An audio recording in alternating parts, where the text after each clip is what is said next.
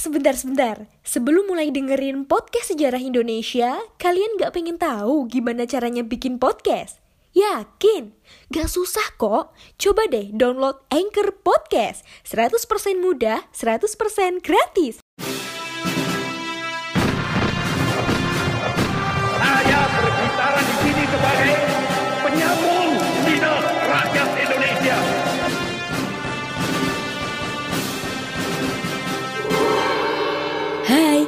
Kalian sedang mendengarkan Poseidon, podcast sejarah Indonesia.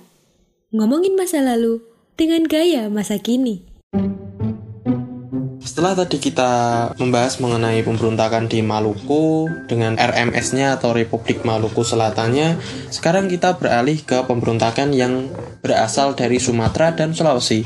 Mana lagi kalau bukan PRRI atau Permesta. PRRI adalah singkatan dari Pemerintah Revolusioner Republik Indonesia, sementara Permesta adalah singkatan dari Perjuangan Semesta atau Perjuangan Rakyat Semesta.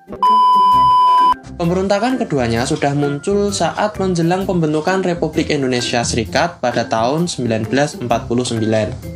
Pemberontakan ini dilatar belakangi oleh adanya hubungan yang tidak harmonis antara pemerintah pusat dengan pemerintah daerah, terutama di Sumatera dan Sulawesi, mengenai masalah otonomi daerah dan pertimbangan keuangan antara pusat dan daerah. Sikap tidak puas tersebut mendapat dukungan dari sejumlah perwira militer dan dari negara asing utamanya dari blok barat. Munculnya PRRI diawali dari ketidakharmonisan hubungan pemerintah dan daerah. Daerah kecewa terhadap pemerintah pusat yang dianggap tidak adil dalam alokasi dana pembangunan.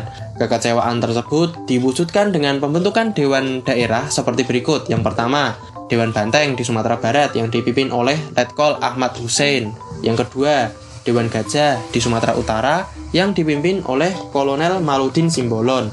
Yang ketiga, Dewan Garuda di Sumatera Selatan yang dipimpin oleh Letkon Barlian. Yang terakhir yaitu Dewan Manguni di Sulawesi Utara yang dipimpin oleh Kolonel Vence Samuel.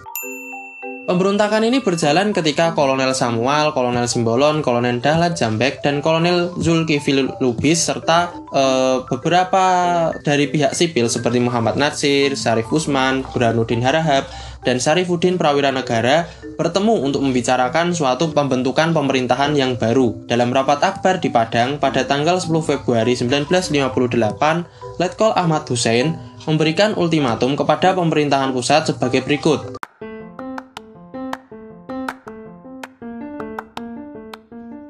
Halo Sobat Poseidon, kalian pasti sudah tidak asing lagi dengan Anchor. Yap, aplikasi penyedia jasa untuk para podcaster pemula dan juga pro. Buat kalian yang pengen mulai nge-podcast, langsung download aja Anchor di App Store ataupun di Play Store. Di sana, kalian bisa nge-podcast dengan banyak banget pilihan background musik. Setelah itu, kalian bisa mempromosikan podcast kalian ke mana pun. Secara otomatis, nanti akan di-sharekan oleh Anchor sendiri. So, tunggu apa lagi? Cus, nge-podcast bareng Anchor. Yang pertama, dalam waktu 5 kali 24 jam, Kabinet Juanda harus menyerahkan mandat kepada Presiden atau Presiden mencabut mandat Kabinet Juanda. Yang kedua, Presiden menugaskan DRS Muhata dan Sultan Hamengkubuwono ke-9 untuk membentuk Second Kabinet. Yang terakhir, meminta kepada presiden supaya kembali kepada dudukannya sebagai presiden secara konstitusional. Sementara itu, pemerintah pusat menolak ultimatum tersebut dan pada tanggal 11 Februari 1958 memecat secara tidak hormat kepada Ahmad Hussein, Maludin Simbolon, Zulkifli Lubis, dan Dahlan Jambek. Sehari kemudian, KSAD Ahana Sution membekukan Komandan Daerah Militer Sumatera Tengah dan menempatkannya langsung di bawah KSAD. Puncaknya, terjadi pada tanggal 15 Februari 1958 saat Ahmad Hussein memproklamarkan berdirinya pemerintahan revolusioner Republik Indonesia berikut kabinetnya bertindak sebagai Perdana Menteri yaitu Syarifuddin Prawira Negara dan M. Natsir, Burhanuddin Harahap, Sumitro Joyo Hadikusumo, dan Maludin Simbolon sebagai anggota kabinetnya. Dukungan terhadap PRRI pun datang dari Sulawesi. Pada tanggal 17 Februari 1958, Letkol DC Somba, seorang komando daerah militer Sulawesi Utara dan Tengah atau KDMSUT, menyatakan pemutusan hubungan dengan pemerintah pusat serta mendukung PRRI. Jadi kolaps ya.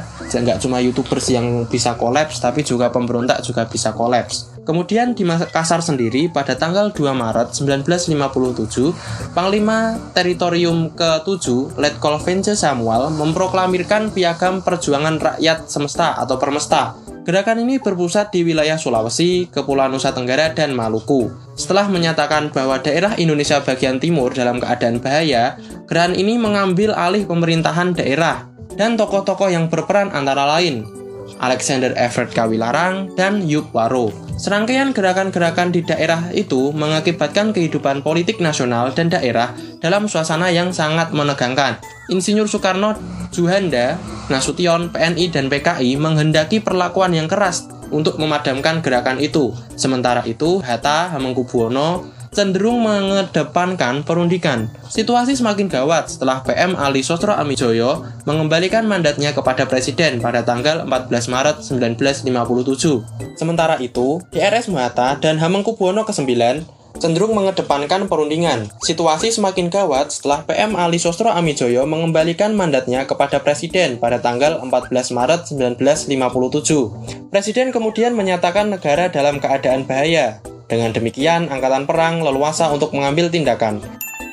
KSAD pun menggelar operasi 17 Agustus yang merupakan gabungan dari Matra Angkatan Darat, Angkatan Laut, dan Angkatan Udara yang dipimpin oleh Kolonel Ahmad Yani. Ternyata, gerakan Permesta mendapatkan dukungan asing, terbukti dengan ditembak jatuhnya pesawat bomber yang dikemudikan oleh Alan Pope, seorang warga negara Amerika Serikat, pada tanggal 18 Mei 1958 di atas Ambon. Terungkapnya peran Amerika Serikat ini membuat AS menarik diri dari dukungan PRRI Permesta dengan menghentikan bantuan persenjataan serta dana. Pada tanggal 29 Mei 1961, seluruh pimpinan dan pasukan PRRI menyerah. Demikian pula Permesta. Setelah keberhasilan Operasi Merdeka yang dipimpin oleh Letkol Rukminto Hendraningrat dan Operasi Sabta Marga berhasil menumpas Permesta di Sulawesi Utara dan Tengah mampu membuat Permesta bertekuk lutut setelah pemerintah pusat menguasai Manado pada Juni 1958. Beberapa sisa kekuatan Permesta diberikan amnesti dan bersumpah setia pada NKRI pada 1961.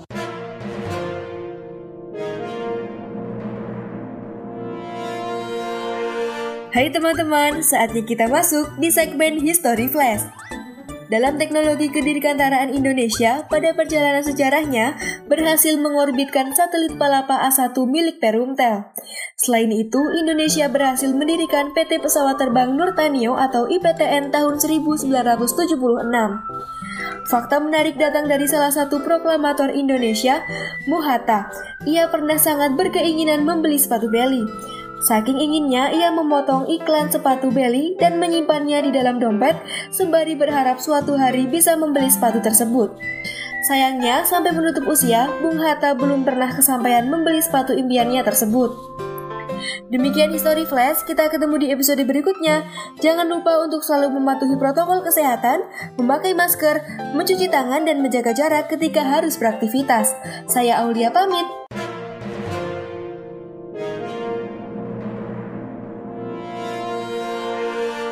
Sekian tadi pembahasan kita tentang beberapa pemberontakan yang paling ngehe pada awal kemerdekaan.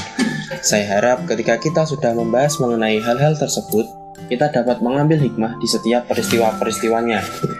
Oh ya, saya ingatkan juga, jangan lupa tetap nantikan podcast-podcast kece dari Poseidon dan jangan lupa follow akun Instagram Poseidon untuk mendapatkan update-update mengenai kejadian-kejadian sejarah seru lainnya. Saya Ganta Kemal Prabunda undur diri. Sampai jumpa dan salam sejarah. Terima kasih.